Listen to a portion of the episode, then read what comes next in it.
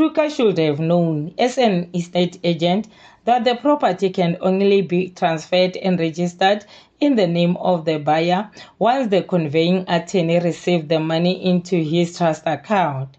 The rightful owner of the property did not give anyone permission or mandate to sell the property.